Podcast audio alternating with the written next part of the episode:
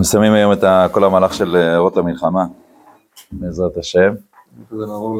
מה אחרי זה נעבור למאמר דבר? מה שמאוד התלבטתי מלכתחילה, מצד אחד אורות המלחמה זה דבר שהוא ממש אה, ענייני דיומא, זה מאוד חשוב להבין.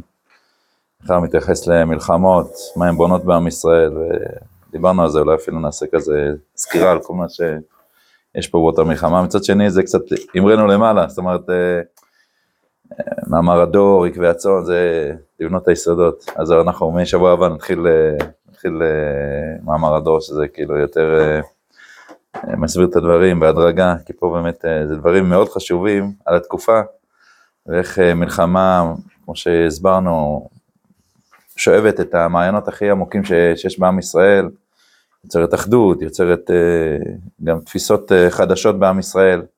כשעם צריך להילחם במלחמה, אז הוא חייב לשאוב משהו מאוד עמוק מהחיים שלו כדי לסכן את עצמו, אחרת הוא, הוא לא יכול, זה לא איזה השקעה כספית, זה לא איזה משהו שהוא נותן מעצמו איזה משהו שולי, או את החיים שלו נותן, הוא מסכן את עצמו בשביל המדינה, אז הוא צריך להיות מאוד חד, שהמדינה הזאת היא, שווה לסכן את החיים בשבילה, ואז הוא צריך לברר את עצמו. המלחמה יוצרת הרבה בירורים פנימיים, זה עיקר המלחמה, עיקר המלחמה זה לא אה, חשובה, ההישגים הביטחוניים שלה כמובן, אבל ההישגים הביטחוניים של המלחמה, זה בעצם רק הזרז לתהליכים פנימיים שעם ישראל עובר במלחמה, וזה באמת עיקר עיקר הנקודה של המלחמה. אז אולי באמת, אה, עם, כן, בואו נעשה את זה קודם כל, נעשה איזה סקירה על כל מה שהגענו עד אה, סעיף י', ואז נראה את סעיף י', וזה נחתום את המהלך הזה, וכמו שאמרנו שבוע הבא, נתחיל, אה, נתחיל בצורה יותר מודרגת, מאמר הדור, נראה את קווי הצאן, נראה את הדברים, דברים מאוד קשורים אחד לשני, אבל בכל אופן שמה העסק הרבה יותר, אה, הרבה יותר מסודר, יותר אה, מוסבר גם. נעשה ממש בכמה דקות, נראה את המהלך שהיה לנו את ארום בית המלחמה, עד שאנחנו מגיעים פה לפרק י'. באופן כללי, אורות המלחמה מחלק לשתיים. חמש הסעיפים הראשונים מדברים באופן כללי על מושג המלחמה בעם ישראל, וחמש הסעיפים, חמשת הסעיפים האחרונים, אה, זה בעצם מה התוצאה של המלחמה בכלל, מלחמת העולם הראשונה שהרב נמצא בה, זה בעצם התוצאות בפועל שקורות מתוך אה, מלחמות. ועוד פעם, עם ישראל נמצא היום ממש בתוך הבירורים, בתוך בירור של זהות שעם ישראל, סערת בירור זהות שעם ישראל עבר. אה, המלחמה הזאת מגיעה, והיא אה, מצליחה לברר לעצמנו מאיפה אנחנו שואבים את החוסן הלאומי שלנו. מה המקור שממנו אנחנו שואבים עוצמות של התמסרות למען המדינה שלנו. זו נקודה מאוד מאוד חשובה, מאוד מאוד קריטית. בסדר? היה ראש הממשלה, לא הזכרנו את זה לפני uh, שנה ומשהו, שעמד באו"ם, בעצרת תקליט של האו"ם, המקום uh, כאילו של הדרושה הכי חשובה לצד של זה, ואמר, מה החוסן של עם ישראל? החוסן של עם ישראל נובע מזה שיש לו הייטק מפותח, החוסן של עם ישראל נובע מזה שהוא אה, אני יודע, הצליח אה, להקים מדינה אה, אחרי שואה, חוסן של עם ישראל. שום מילה באותו נאום לא היה זה שהחוסן שלנו נובע מה, מהנבואות של כל הנביאים שניבאו על זה שאנחנו חוזרים לארץ כדי לבנות פה חזון של ממלכת כהנים וגוי קדוש, שום מילה על המסורת היהודית, שום דבר, שום גרם מזה לא היה. ודרך המלחמה הרבה הרבה דברים מתבררים, מאיפה אנשים שיוצאים להילחם, מאיפה הם שואבים את כוחות החיים שלהם, מאיפה הם לוקחים את המוכנות שלהם לסכן את החיים שלהם בשביל המדינה, מה הם מצפים מהמדינה הזאת. דברים מאוד מאוד חשובים, מתבררים על כל עם כשהוא יוצא למלחמה. זה בירור פנימי. מתוכו יוצא גם ניצחון חיצוני. אבל הרב כמובן פה מדבר על הבירורים הפנימיים. אז בואו נתחיל. נראה על כל אה, פרק, נדבר על זה חצי דקה. פרק א' של המלחמה, בעיקר דיבר על זה ש... שיש מלחמה גדולה בעולם יותר כוחו של משיח. זאת אומרת, פרק א' הוא בעצם מדבר על זה שכשאתה רואה מלחמה זה במובן הראשון, משהו מאוד מבאס, אנשים נהרגים, דברים באמת, אנשים יקרים מפז, שיכולים להוסיף כל כך הרבה אור בעולם, וכביכול אה, זה דברים אה, באמת, אה, זה צער אדיר, אבל אומר הרב, תדע לך, שזה צירי לידה מאוד מאוד אה, קריטיים, וכמו שהמדרש אומר, כן, שמאחורו מתגרות זה וזאת צווה לרגלו של משיח. כשאתה רואה את הדבר הזה, משהו מהמשיח, הכוונה מהתגלות, הבירור הפנימי שבסוף מביא לגאולה, זה מגיע מה, מהדבר הזה, מגיע מה, מהכוח הזה. פעם מלחמת העולם הראשונה, כל מלחמה הוסיפה משהו, מלחמת העולם הראשונה שעליה הרב מדבר, היא הביאה את הצהרת בלפור, מלחמת העולם השנייה, קום המדינה וכולי, כל מלחמה ביררה עוד משהו בתהליך של זהות הגאולה, כמובן שכמה שהמציאות מתקדמת, הבירורים הם יותר תרבותיים, יותר של זהות. זה פרק א', צפה לרגלו של משיח, שיש תהליכים לאומיים כאלה גדולים, משהו אמיתי מאוד מתברר. הלאה, פרק ב', זה היה על זה שאנחנו רואים שתמיד אה, כל הדורות גדולים, אברהם אבינו, שיצא להילחם באדלות, דוד המלך, כולם, זה אנשים עם אה, שאר רוח מאוד גדול, עם נשמה אדירה, שהם בכלל אין לנו, לא מגיעים לקרסוליהם, ואנחנו רואים שכאשר היה צורך, הם גם ידעו להילחם, זה מתחיל ממשה רבנו, שאומר, אה, ככה הרמב"ם אומר, שהרמב"ם אומר, בחלק ב' של מורה נבוכים, איך אה, תצמח הנבואה בעם ישראל? מה דרכי ההתגלות של הנבואה? אומר הרמב"ם, תסתכל על משה רבנו, הפרשות שלנו עכשיו, פרשת שמות, והערה, ספציפית פרשת שמות אומר, אם תלמד את משה רבנו כמו שצריך, משה רבנו זה לא אישיות פרטית, אלא זה בעצם הדגם איך לעתיד לבוא, יצמח, תצמח רוח הקודש בעם ישראל. ואז אומר הרמב"ם, בוא תסתכל על משה רבנו. בהתחלה, הבסיס שהוא איתו יוצא, זה שיש לו אומץ למחות מול עוול, וגם לסכן את עצמו כשהוא רואה את העוול הזה. מה זה הדבר הזה? שהוא רואה איש מצרי, איש עברי, אחרי זה הוא רואה שם, אה, בורח למדיין, ורואה שם אה, את הבנות מדיין שהרועים לא נותנים להם לשאוב, לכאורה מה זה עסקך בכלל, מילא שם זה היה שעבוד מצרים, פה מדיין, איזה מדיינים, מה אתה בכלל רוצה מהם? ולא רק זה, הם מחפשים אחריך, אתה יודע שאתה, מה שנקרא wanted, כן? אתה, אתה מבוקש. ובכל אופן, לא אכפת לו, והוא נכנס לסערת הקרב, הוא אומר, מה פתאום, איך אתם יכולים, זהו, נותן להם לשאוב. כל הדברים האלה אומר הרמב"ם, מורה נבוכים, כשהתגלה האומץ הזה בעם ישראל, האומץ אה, לעמוד מול עוול, מול אה, דברים, זה, זה השלב הראשוני ביותר שבסוף יוביל להבאת רוח הקודש של עם ישראל. אז יש מדרגה שנייה, מדרגה שנייה זה להציב חזון, כמו שיש לנו, כבר קוראים עכשיו את. אה, התחלת פרשת וארא, והוצאתי, והצלתי, וגאלתי, ולקחתי, והייתי לך כל לשונתו של גאולה, והייתי לכם לאלוקים, כן? כשאתה רואה מנהיגים שיש להם חזון של קודש, זה מדרגה נוספת שתביא את עם ישראל לצמיחה האמיתית שלו. וככה הרמב"ם מונה מדרגה אחרי מדרגה, איך בעם ישראל לעתיד לבוא, איך צומחת הנבואה. בסדר? פרקים, לב עד מוח, וחלק ב' של מורה נבוכים, זה הפרקים שמתאר, אז חשוב ללמוד את הפרשות שבוע שאנחנו לומדים עכשיו משה רבנו גם בעיניים האלה, של הרמב"ם, למה אנחנו מצפים, איך אנחנו בעצם, כן משה רבנו בעצם, היסוד שמתוכו כל עם ישראל מתגלה. אתם יודעים שהכוזרי, אה, אז כאן הזה שהוא בא להגיד שעם ישראל זה עוד מדרגה מכל. אומר, כאילו, מה המדרגות שיש בעולם? לא, צומח, חי, זה. אז אומר, יש עוד מדרגה? כן, מדבר. ויש עוד מדרגה? לא, מדבר. זה האדם המדבר, זה המדרגה הכי עליונה. ואז הוא אומר, אם נראה לך בן אדם ש-40 יום ו-40 לילה, לא, אה, לא אכל, לא שתה, ופה ושם, זה, אז מה, טוב, תראה לי משהו כזה, זה באמת משהו אחר, אז מה, טוב, זה המדרגה של עם ישראל. אז אתה רואה שעם ישראל זו מדרגה, אבל לא, מה זה קשור? זה משה רבנו, זה לא כל עם ישראל. משה רבנו זה בעצם הפוטנציאל שקיים בכולנו. לכן בגמרא כתוב שמי שאומר סברה ככה עמוקה, היו אומרים לו, משה שפיר כאמרת. מה זה משה שפיר כאמרת? כאילו, משהו ממשה רבנו קיים בכולנו. אתה עכשיו אמרת על איזה סברה ממש אה, של משה רבנו.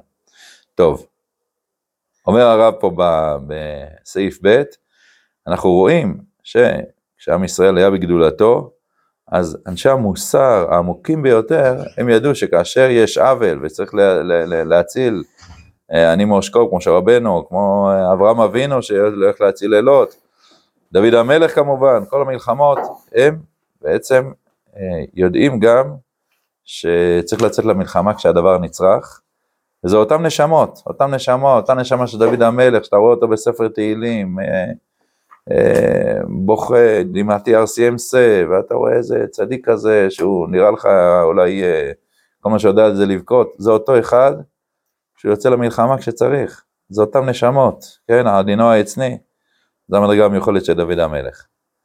אז הרב אומר, תדע לך, כשעם ישראל יחזור, יחזרו אלינו נשמות כאלה, והאמת שרואים את זה קצת, אה, גם קצינים, רואים אנשים, לפעמים, כשיוצא לכם לשמוע, יש היום גם, אה, ברוך השם, מח"טים, מפקדים בכירים, שאתה רואה אותם ממש אה, עם צד רוחני דומיננטי בתוכם, זה לא אנשי מלחמה כאלה, הם גם יודעים להיות קשוחים ויודעים את הכל, אבל אתה רואה, מאוד נוכח אצלם גם הצד הרוחני שבהם, שמתוכו הם יוצאים למלחמה. שם דרך אגב מח"ט הנחל, מכירים את זה? קוראים לו יאיר צוקרמן, זה מקום שנפל שם בתחילת בשמחת תורה.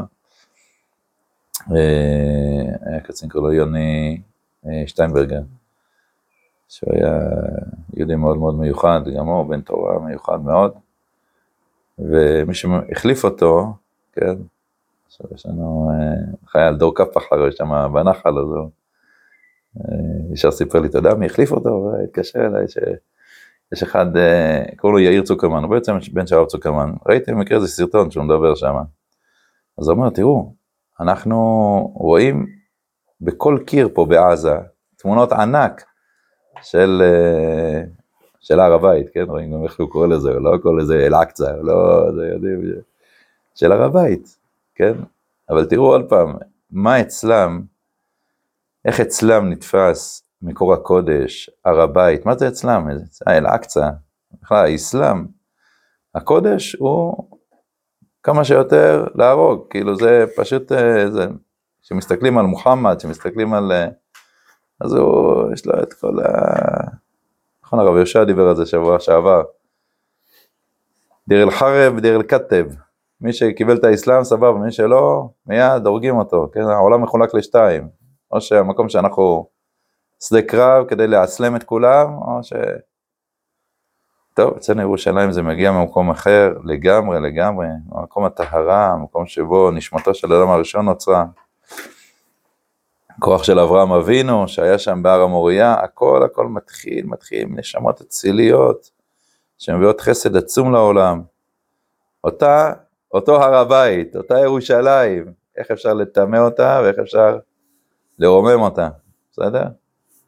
זה מאוד מאוד מדגיש, המלחמה הזו הייתה שעודה אל-אקצא, זה היה מבולה לירושלים, כן, שעודה זה. הכל אצלם בא להזכיר לנו על מה אנחנו נלחמים. הכל בא לתזכר אותנו, מתוך מה שהם אה, נלחמים, אנחנו נזכרים בתוכנו. טוב, אנחנו עוברים לפרק ג', פרק ג' זה פרק מאוד מאוד חשוב, והוא שבעצם הגלות באה לבנות בנו ממלכה שלא תהיה ממלכה כזאת כמו הממלכות שהיו בימי, אה, גם לא בית ראשון, ודאי לא בית שני, אנחנו חוגגים את חנוכה כידוע, אומר הרמב"ם, חזה מלכות לישראל 200 שנה, יותר מ-200 שנה, 206 שנה, אבל למעשה זו הייתה מלכות נוראית, כידוע, רצחו אחד את השני, היה שם מלחמות בבני התיוך, ואחרי זה הורדוס בכלל הרג את כולם. קיצור, דברים נוראים. הרב אומר, אנחנו בכוונה יצאנו לגלות כדי לטהר משהו אמרנו שלא נלמד מאיך הגויים מנהיגים את הממלכות שלהם, אלא נהיה ממלכה אחרת, ממלכה שהיא בנויה על אחדות מאוד גדולה, בנויה שמילא בעזרת השם תביא עוד ממש מציאות של ממלכת כהנים וגוי קדוש, לכן יש תפקיד לגלות, בסדר? זה הפרק ג', התפקיד של הגלות, כדי לבדל אותנו מהצורה של המלכות שהייתה בפעם שעברה. כמובן לבדל אותנו גם מהמצב של אה, בית ראשון, מלכות ישראל, מלכות יהודה, פירודים כאלה, עד שאפילו, לצערנו, יצא שהם מלכי ישראל הביאו, עשו קואליציה מלכים אחרים נגד מלכי יהודה, דברים נוראים ואיומים, שברוך השם, אנחנו רחוקים מהם כחוק מזרח ומערב, כמה שאנחנו הגענו ממש לדברים נוראים בשנה האחרונה, זה לא קרוב, לא פגע ולא נגע למציאות שהייתה, לא בסכסוכים של הבית ראשון ולא בבית שני, אין בכלל שום שום מקור להשוואה.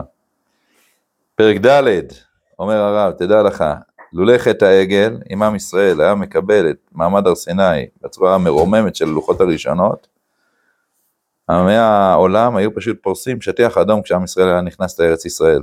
לא היה שום שיטת מלחמה נוהגת, ובעצם המלחמות נגד עם ישראל זה בגלל שהם ירדו ממדרגתם, כן? חטא העגל יצר מציאות כזאתי, שעם ישראל לא קיבל את כל האור של התורה, של לוחות ראשונים, בצורה אה, שלמה, כן? חטא העגל זה מה שכתוב, אה,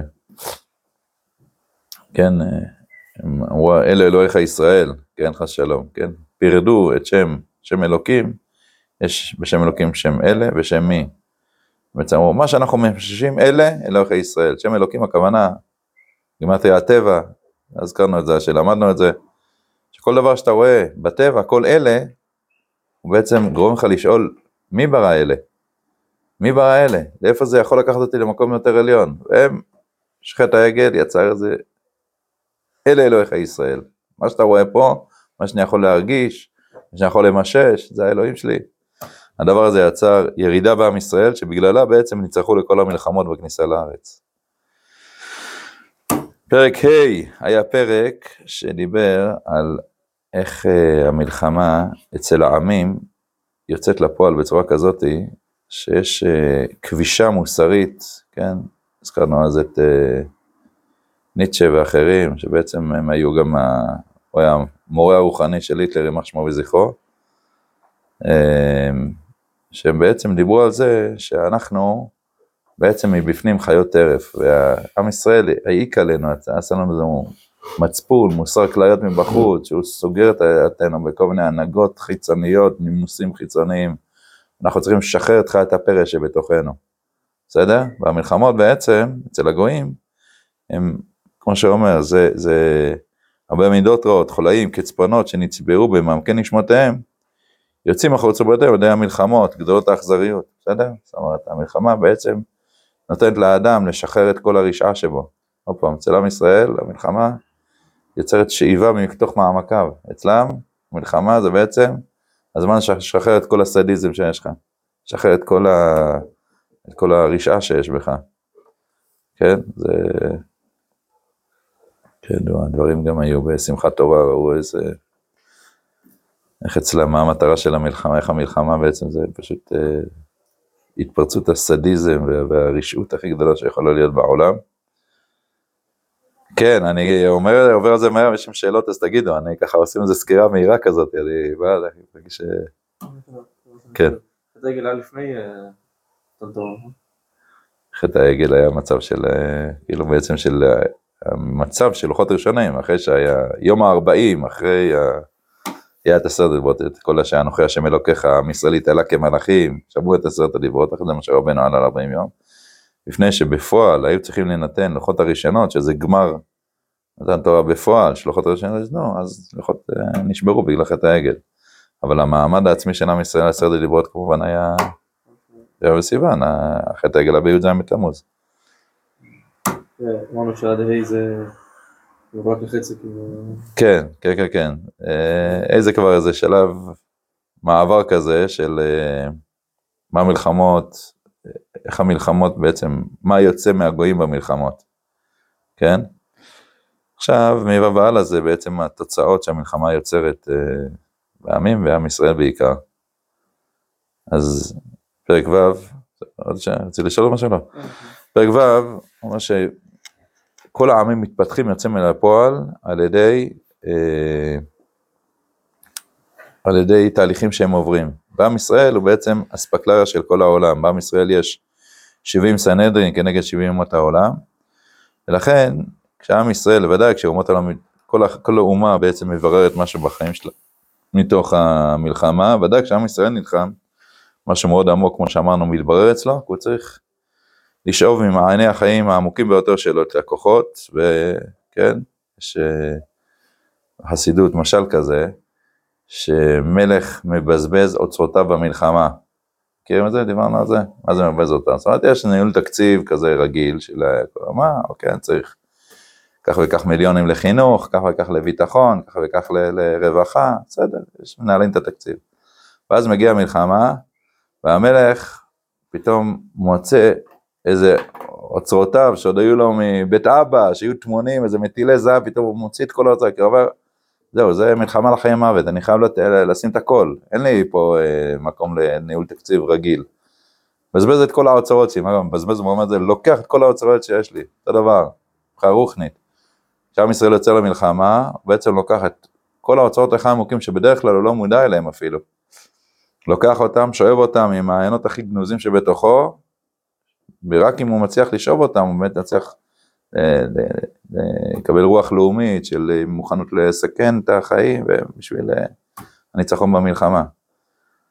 אז כל העמים מתפתחים על ידי מציאות של מלחמה, נגיע בעזרת השם שזה בעצם מציאות כמובן בדיעבד, כן, היינו אולי שמחים שכל העולם היה מתנהל בצורה של אה, מידת הרחמים, אבל העולם כמו שהוא היום, עולם שהוא העלם, עולם שהוא עולם העשייה, שעדיין לא מתגלה בשיא תפארתו, כן, זה לא כמו לולכת העגל לעולם היה אחר. אבל העולם היום, עולם שמתקדם, הבירורים מתקדמים על ידי מלחמות. צריך לדעת את הדבר הזה, ולדעת את המעלה שיש בדבר הזה. פרק ז', עוד יותר ספציפית על, אה, על עם ישראל, שעם ישראל בהתחלה מתגלה בזה שיש לו אה, תחילת ההתגדלות, בזה יש לו קינת עם, הוא רוצה שיהיה לו את הארץ, או שיש לו צבא, שיש לו שפה. כאילו דברים לאומיים במובן הבסיסי. בוא נאמר הרב אל תתבלבל, בעצם זה הכל בא, כן, מה שהוא מזכיר פה כמה מילים, המציאות של כנסת ישראל היא בעצם באה כדי לגלות את תפארת ישראל, זה הלשונות שהוא משתמש בפרק הזה. המטרה של כל המלחמה זה בעצם לגלות מה בעצם התרבות הרוחנית העליונה שיש לנו. כאילו המלחמה בניגלה על זה שכבשו לנו את הארץ, נכנסו לנו, טבחו בנו, רוצים, כובשים חזרה, אנחנו מרגישים שיש לנו עם, יש לנו אחדות לאומית, מצוין. זה רק הרובד הבסיסי. אבל בעצם המלחמה, כמו שאומר פה, היא תוביל, מובילה לעוד מדרגה בבחינה של תפארת ישראל, כמו שאומר לה, שזה בעצם, התורה נקראת תפארת ישראל, או כל התרבות העמוקה של הקודש שיש בעם ישראל, נבחנת. אז המלחמה, כאילו, יש פה שני מסכים, מסך מפוצל, כאילו. מסך אחד המלחמה הנגלית, בפועל, ברשעים, חושפים פירים, עושים אה, זה, מחסלים מחבלים, אני יודע, יכול להיות חמאסניקים, חיזבאללה, זה באומן הנגלה. באומן העמוק יותר, יש רובד יותר עמוק, ששם אתה רואה, יש מה שנקרא, המלחמה בתת קרקע, מלחמה שהיא, אתה לא, לא רואה אותה מעבר לזה, אתה... שם זה מלחמה היותר עמוקה של חשיפת הכוחות האמיתיים של עם ישראל. סעיף ח', אומר הרב, שבעצם התוצאה של המלחמה היא הבירור של אה, בעצם כל המלכות, מה שהוא קורא לה המלכות הרביעית, שהיא מוזכרת בספר דניאל כפה מדבר מרברבן, שהורס את כל הארץ, כן? בעצם כל הנצרות, ש... אה, הרומים קיבלו עליהם את זה בתור אה, הדת הרשמית, מתוך זה כל אירופה וכל התרבות המערבית היא בעצם שמה. משהו מתוך המלחמה בעצם מברר את האפסיות שלה, כן? אנחנו נדבר איך זה, מה זה מברר בעם ישראל, אבל משהו מתברר גם איך אלילי הזהב, כן? זה בנוי על הנבואה של ישעיהו, שרואים שם איך ה... יגיע היום שבו כל אלה שמתגאים בזהבה ומתגאים בצד ה... זה, יש לי ללמוד את הכל, אבל בכל אופן התרבות האירופאית היא הולכת ומתכלה, כמו שאנחנו רואים היום. כן. כל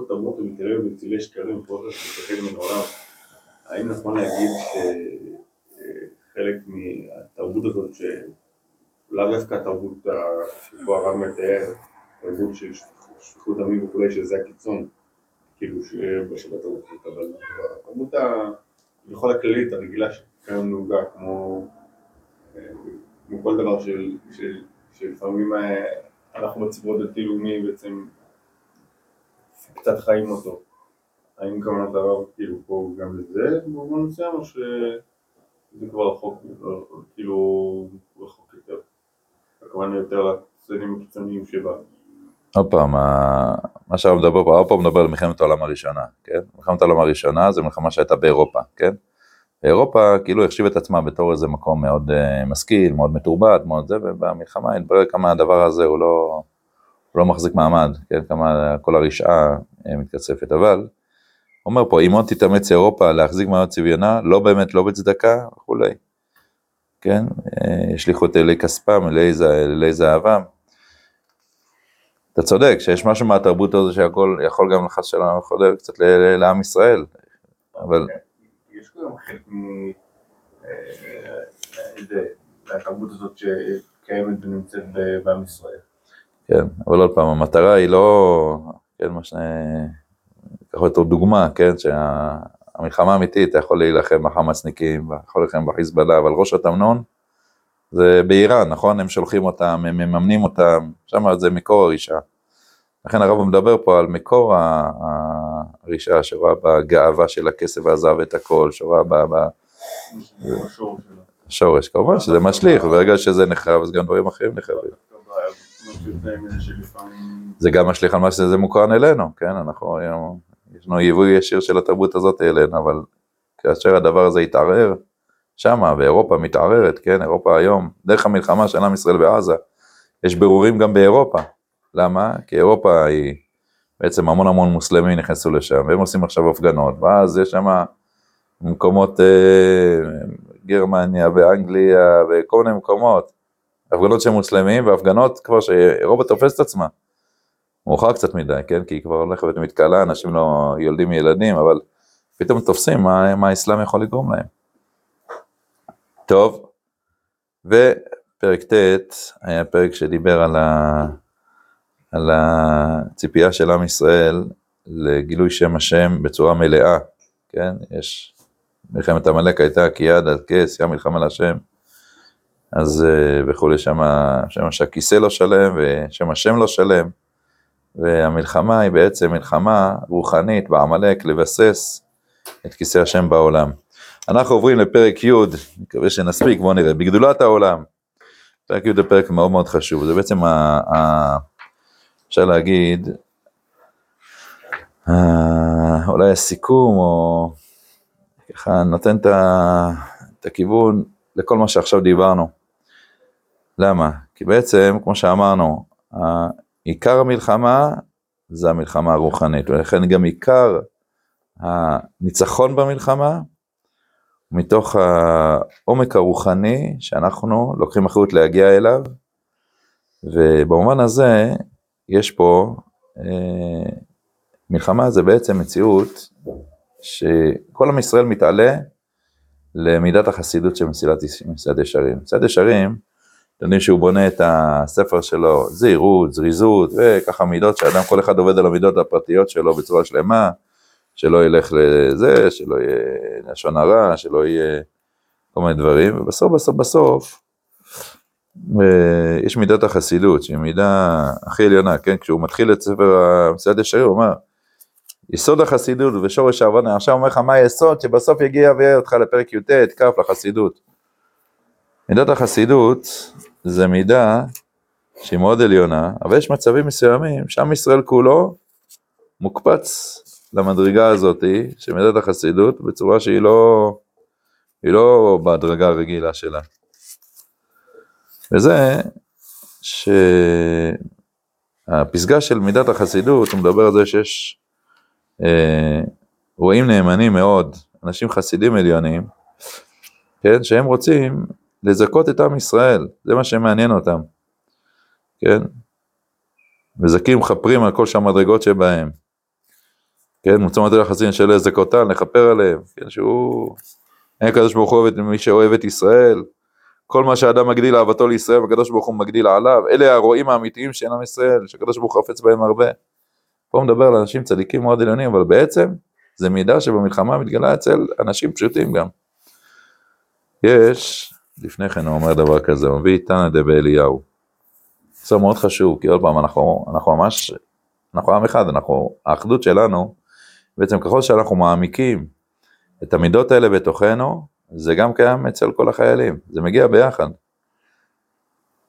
הפרק הזה בעצם מדבר על מה שהוא מביא פה, בפרק י"ט, מסעד ישרים, בשם תנא דבאליהו, אמרו, כל חכם מישראל שיש בו דבר תורה לאמיתו, הוא מתענח על כבודו של הקדוש ברוך הוא, על כבודם של ישראל כל ימיו, מתהווה, מצר לכבוד ירושלים, לכבוד בית המקדש, ולישועה שתצמח בקרוב ולכינוס גלויות, זוכה לרוח הקודש בדבריו.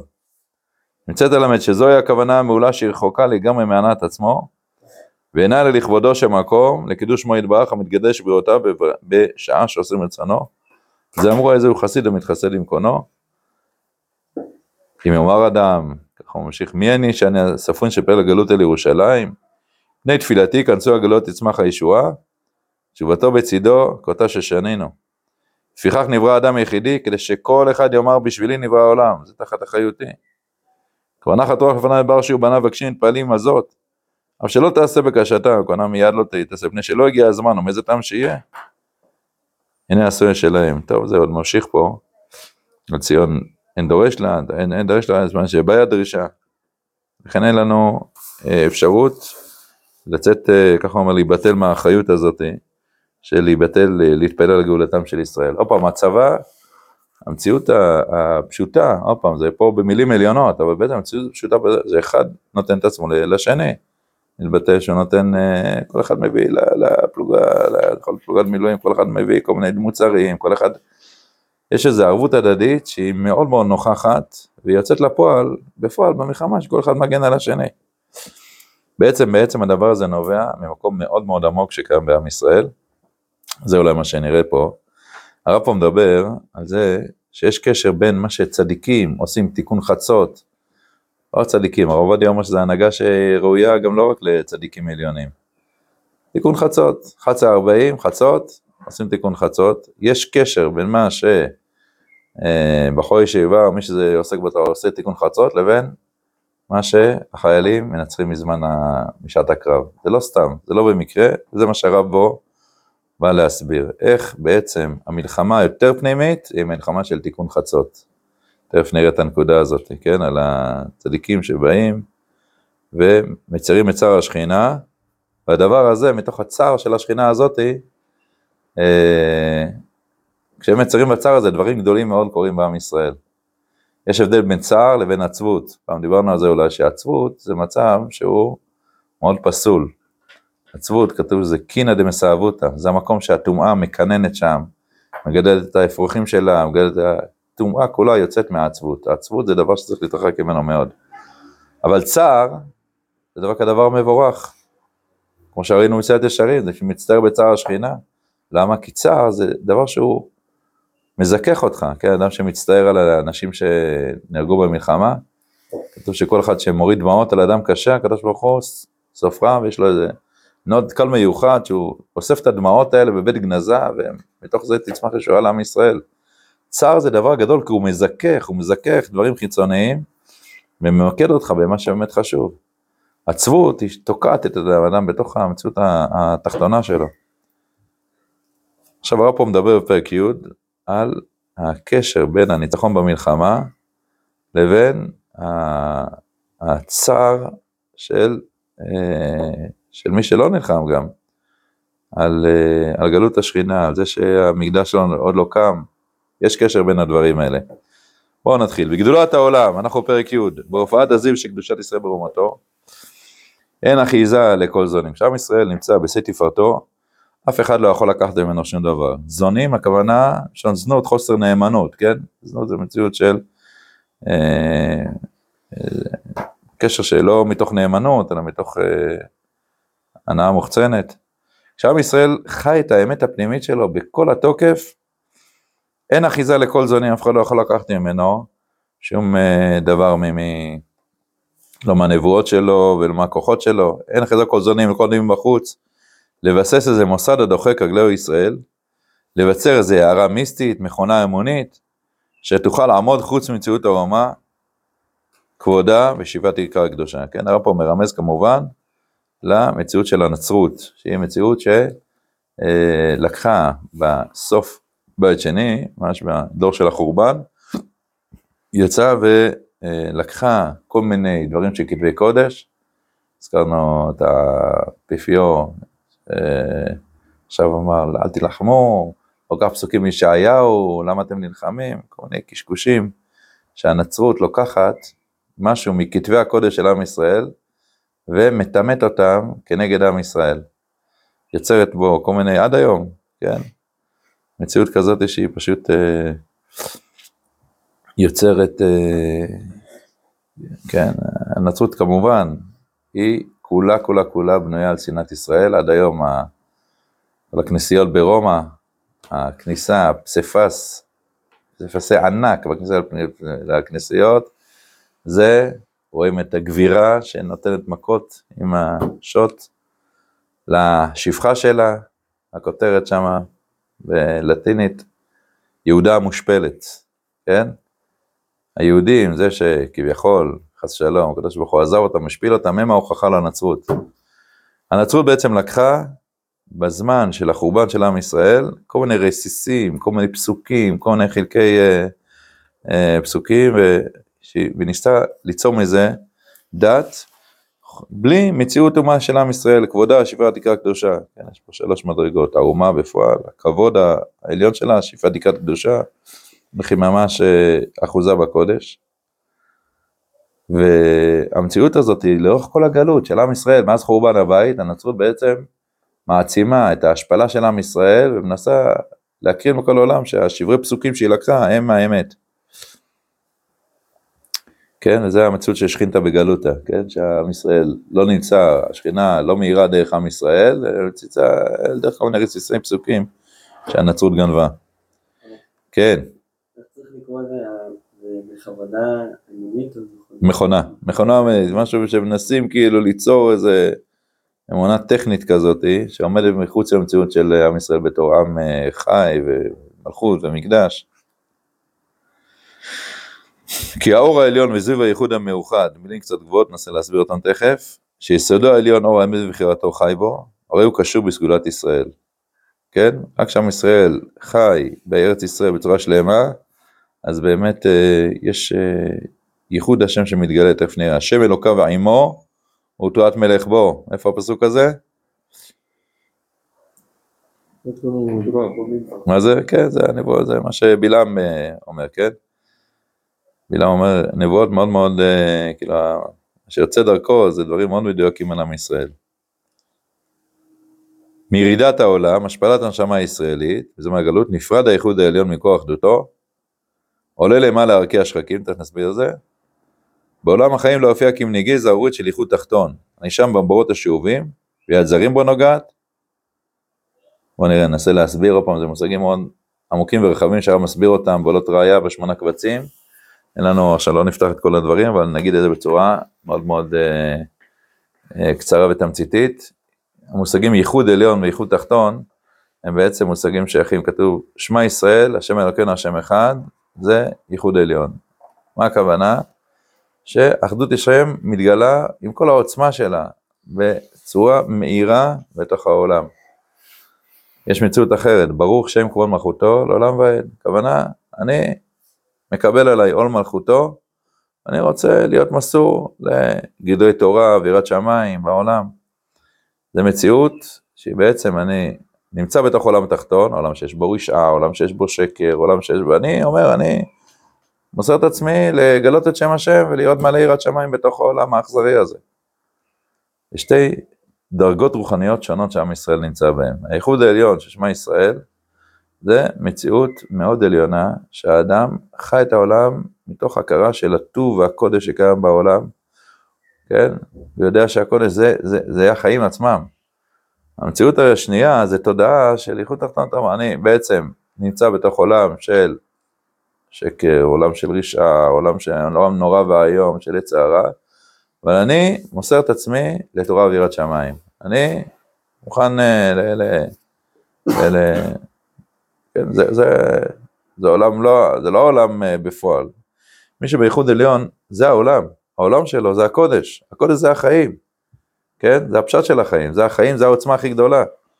מי שחי בייחוד התחתון, החיים זה החיים עם כל המעקשים והבלאגנים שיש בהם. אבל צריך לדעת שיש קודש, שאני בעצם, אה, אה, כן, אומנם זה כאילו לא, אני לא חווה את זה בתור משהו כזה עוצמתי, אבל אני כן מסור ליראת שמיים. המציאות של עם ישראל אחרי הגלות היא מציאות שהוא כל הזמן חי את הייחוד התחתון, מה שנקרא, כן? את המציאות הזאת שהוא לא חי את כל העוצמה של המקדש, הופעת השכינה, שהקודש הוא בעצם החיים והם הם בכלל, אה, כן? בית המקדש לא צריך להזכיר בכלל את העולם הבא, כן? היו אומרים על הברכות, ברוך השם מן העולם. לא, אתה חי את המציאות של העולם כמו שעם ישראל חי בו סביב המקדש, אתה חי חיי עולם הבא בדרך העולם הזה, לא צריך שום דבר אחר. אבל המציאות של איכות תחתון זה מציאות שעם ישראל, בעיקר בגלות, הוא בעצם מגיע למצב כזה שהוא אה, מתאחד עם שם השם בזה שהוא מוסר עצמו ליראת שמיים, ואפילו עוד פעם, הוא מוכן גם למסור את עצמו, קהילות קודש הם מסרו לנו שם קדושת השם. זה מדרגות עליונות שהם מוכנים להקריב את עצמם, אבל עוד פעם, המציאות של הקודש שחי דרך עם ישראל, לא נוכחת בגלות, בסדר? זה תודעה אחרת. תודעה שאני חי בעולם זר, עולם חיצוני, ובתוך העולם החיצוני ועולם השקר, אני רוצה להיות נאמן לדבר השם. כאשר עם ישראל חי את המציאות התחתונה הזאת, זה המצב שבו כבר הנצרות יכולה לקחת והיא גונבת כל מיני רבדים של פסוקים. זה לא מקרה שהנצרות הגיעה בזמן החורבן, כן? זה דווקא בזמן הזה, שעם ישראל נחרב, המציאות הלאומית שלו כבר לא חיה סביב המקדש, הדבר הזה, כן, סוף, אתם יודעים, סוף בית שני זה כבר הורדו, זה כבר כהנים אה, אה, שהם מתייוונים ועוד כל מיני דברים, ממונים על פי, אה, על פי אומות העולם. עד החורבן, המציאות הזאת היא מציאות שעם ישראל בעצם חי את החיים בצורה התחתונה שלהם, ייחוד תחתון, כן? ושם באמת אה, נוצר מציאות כזאת שהנוצרים, אחרי זה גם האסלאם, לוקחים כל מיני מושגים שבעצם שייכים לעם ישראל, ומטמאים אותם ויוצרים להם מציאות מאוד, וזה צער השכינה, על זה אומרים תיקון חצות, בסדר? נצרות לוקחת את זה ועושה כאילו אה, זה שהמציאות היום זה, בואו תעשו, לא יישגו לגרי חרב. האסלאם לוקח את אל-אקצא, את ירושלים, עושה ממנה טומאה. שתי דתות שבאו בעקבות עם ישראל, ולקחו כל מיני שברירי אה, פסוקים, כל מיני דברים, ועשו מהם, לקחו וטימאו אותם, יד זרים נוגעת בו. וקנה צירל תכיל תזעק בחבליה, עונה לי כי עייפה נפשי, רזי תורה לחיצוניים ניסו, זה בדיוק המציאות, עוד פעם, אין לנו זמן, יש פה הרחבה. אולי בסוף נראה באות התחייה של, ה, של הדברים, תורה נשרפת, גביליה נשרפים ויותר פרות פרחים. אותיות פרחות, כן, זה המציאות הזאת של אה, הרוגי מלכות, שעטפו אותו בגבילים שנשרפים, ואותיות פרחות, לבני ציון היקרים, אפר תחת פאר ושם, כן, המציאות הנוראית של הגלות, שיש אפר תחת פאר, כן, מקום תפילין, הרי זה המקום שבו התפילין נקראים הפאר, כן, תפארת ישראל. מקום זה הגלות שם באותו מקום תפילין את האפר, יש... אה, ששמים לחתנים את האפר על מקום תפילין, זה לא בסתם, זה בא להדגיש את הצער, נכון? יודעים שעומק עומק הגלות, זה מה שאנחנו קוראים, אנחנו, זה גם ביום כיפור, גם בתשעה באב, על המציאות של אה, אה, רבי ישמעאל כהן גדול, ושהיו שם, עם שניהם שהיו שם, והבת גבירה אמרה, טוב, אני רוצה, תעשה, תורידו, הוא כל כך יפה, לקחה את היופי החיצוני שלו, כן? אז תעשה ממנו, תוריד ממנו את האור, עד שהגיע למקום תפילין, למקום הפאר, צבח והזדעזע כל העולם, נכון? זה האפר, זה המציאות הכי נוראית. וכש... וכששמים לחתן את האפר על המקום תפילין, אז זה הכוונה, שהאפר של מקום תפילין הזה, הזעזוע מה, מההפשטה של מקום תפילין, של אה, רבי ישמעאל כהן גדול, שכל המציאות הזאת תביא להחזרת פאר ישראל, שישראל נקראו תפילין של הקדוש ברוך הוא, כן? אם הם זזים מאדמתם, שהגלות בעצם הוציאה, זה כאילו התפילין כביכול, שהקדוש ברוך הוא זזים מהמקום, אנחנו רוצים לחזור, אנחנו רוצים לחזור למקומנו. יש פה, המציאות של הגלות, היא יוצרת אפר תחת פאר, אתם יודעים שהמילה פאר זה, שמעתי דוד טורנר שאומר, אה, הרי פר, דבר ידוע, שאותיות פר זה שורש שהוא תמיד משהו פירודי, נכון? אבן עזרא אומר שהשורשים שאנחנו רגילים, שור עברית, יש שלוש אותיות שיוצרות שורש, כן? אבל בעצם במקור זה שתיים. שתיים שעל גביהם יש עוד שלישית, למשל פר, זה פרד, פרס, פרם, פרח, וגם פה אפר זה בעצם מציאות של משהו שהוא מתפורר, הרי אפר הוא לא, לא בר גיבול, נכון? יש בהלכות שבת, הלכות מגבל, אז בוץ, אתה מגבל אותו, שם מים, אתה יוצר ממנו איזה מציאות מגובשת. פאר, אפר, אה, תשים במים, לא, הם לא מתחברים, האפר לא מתחבר ביחד.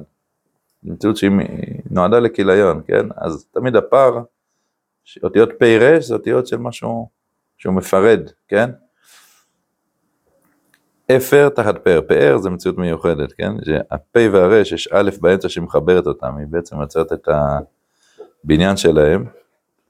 דרך אגב כתוב שרישי ישראל בגופם, אז uh, כאלה שלא הניחו כרכבת לא מנח תפילין, אז כתוב, קשור לאותו עניין, שהם כתוב שאין להם תיקון, הם כאילו נעשים אפר בגיהנום, אבל, אומרת הגמרא, מה כן התיקון כבר שנה? יש תיקון שיהיו אפר תחת כפי רגלי צדיקים. זאת אומרת, האפר הזה יהיה כמו מצע שמתוכם עם ישראל יצמח. נחזור אלינו. המציאות של הגלות הנוראית, שבה רזי תורה, כל מיני לוקחים כל מיני דברים ששייכים כאילו מתוך איזה כתבי הקודש כמו שהנוצרים, עד היום יש בתוך הוותיקן ספרים שהם גזלו מהיהודים ולקחו, כמובן צנזרו כל מיני דברים. צנזורה גם נכנסה כידוע לספרים אצלנו, עד היום אה, מחדשים את הנוסחים המקוריים. הרבה מהגמרות שלנו מצונזרות, הכל קשור להשתתות של הנצרות על כתבי הקודש, ועם ישראל נמצא בזעקה מאוד גדולה. קמים לבני לבב בחצות לילה, הנה הגענו לתיקון חצות, חצות הלילה זה זמן מאוד מיוחד, זה זמן של מעבר מידת הדין מידת החסד, חצות הלילה זה הזמן, לכן לא לומדים תנ"ך עד חצות, יש לכתחילה לפחות, לא לומדים אה, תנ"ך, לימודי פנימיות. חצות הלילה זה זמן של תיקון חצות, אז זה הגאולת מצרים, בסדר? זה זמן של מעבר מברכות התורה, מי שמתעורר בלילה אחרי חצות, אז זה יכול... אה,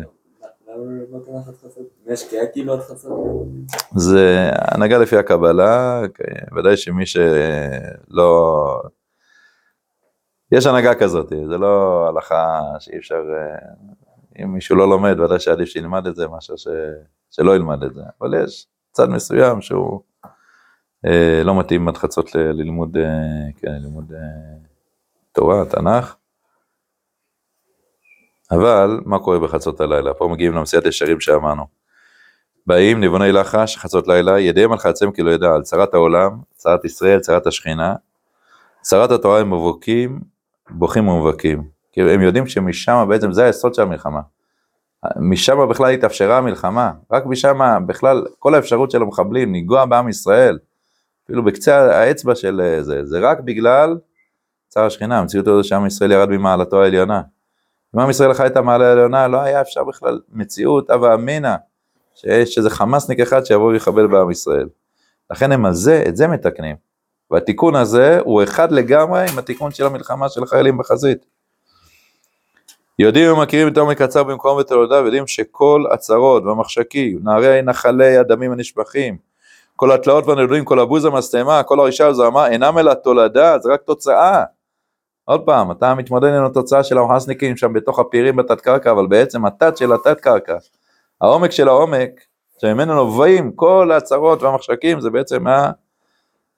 מהצד הזה של צער השכינה. כל, כל הרישה הזרמה, תולדה קלושה מעד הכל, של אותו הצער העליון, צער השמיים, צער השכינה. כן? מה זה הד הקול הזה של צער השכינה? יש גמרא פה במסכת חגיגה, אין הרבה זמן לעסוק בזה, רק נקרא את זה בזריזות. על הצער של השכינה, מופיע בכמה מקומות שיש, אה, כתוב דבר כזה, דף ה', מסר לחגיגה, דף אה, מאוד מאוד יסודי. אה,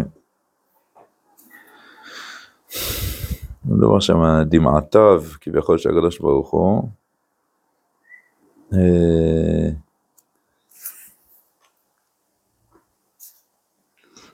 במסתרים דבקי נשי.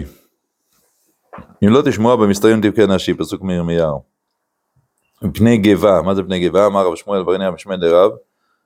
מקום יש לקדוש ברוך הוא ומסתרים שמו. יש מקום כזה, מה מפני גבה? במסתרים הקדוש ברוך הוא כביכול בוכה מפני גבה, מה זה גבה? אמר שמואל ביצחק, פני גאוותם של ישראל, כן? העוז הפנימי של ישראל, שנתלה בהם וניתנה לעובדי כוכבים.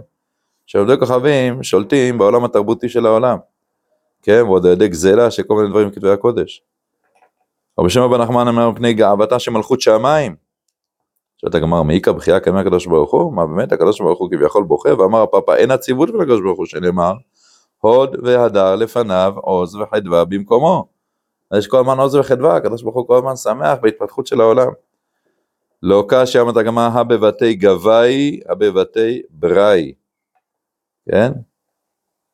יש בתי גבאי, ששם יש אה, בכי, ויש בתי בראי, האמת שיש שתי גרסאות, הרב יוסף קלנר, יש לו, חושב, אם זוכר נכון, שם במילות הראייה, יש לו פה מהלך שלם.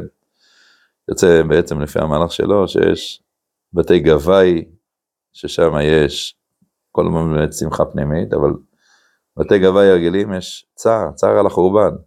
בתי בראי, במציאות החיצון שלהם, כביכול יש שמחה, הנה, יש עוד טכנולוגיה, יש עוד דברים שהתפתחו. אבל בבתי גבאי, יש צער מאוד גדול של חורבן, צער השכינה. כן, נגמר פה, ממשיכה הלאה. לא נראה את זה מקוצר הזמן, אבל בכל אופן, תיקון חצות זה לדבר הזה. הכל מהד קול של אותו צער עליון, צער השמיים, צער השכינה, צער ידיעות אמונתית, בהיפרדה ממקורות הנוגע. והאידיאליות העליונה ברוחם של הבריות ובחירת ישראל, תשובת ישראל אמות אצילות הרוח הרציני, היא קשורה. והם קוראים לתשובה, ואנו ליה ואיננו ליה, כן, זה בעצם ה...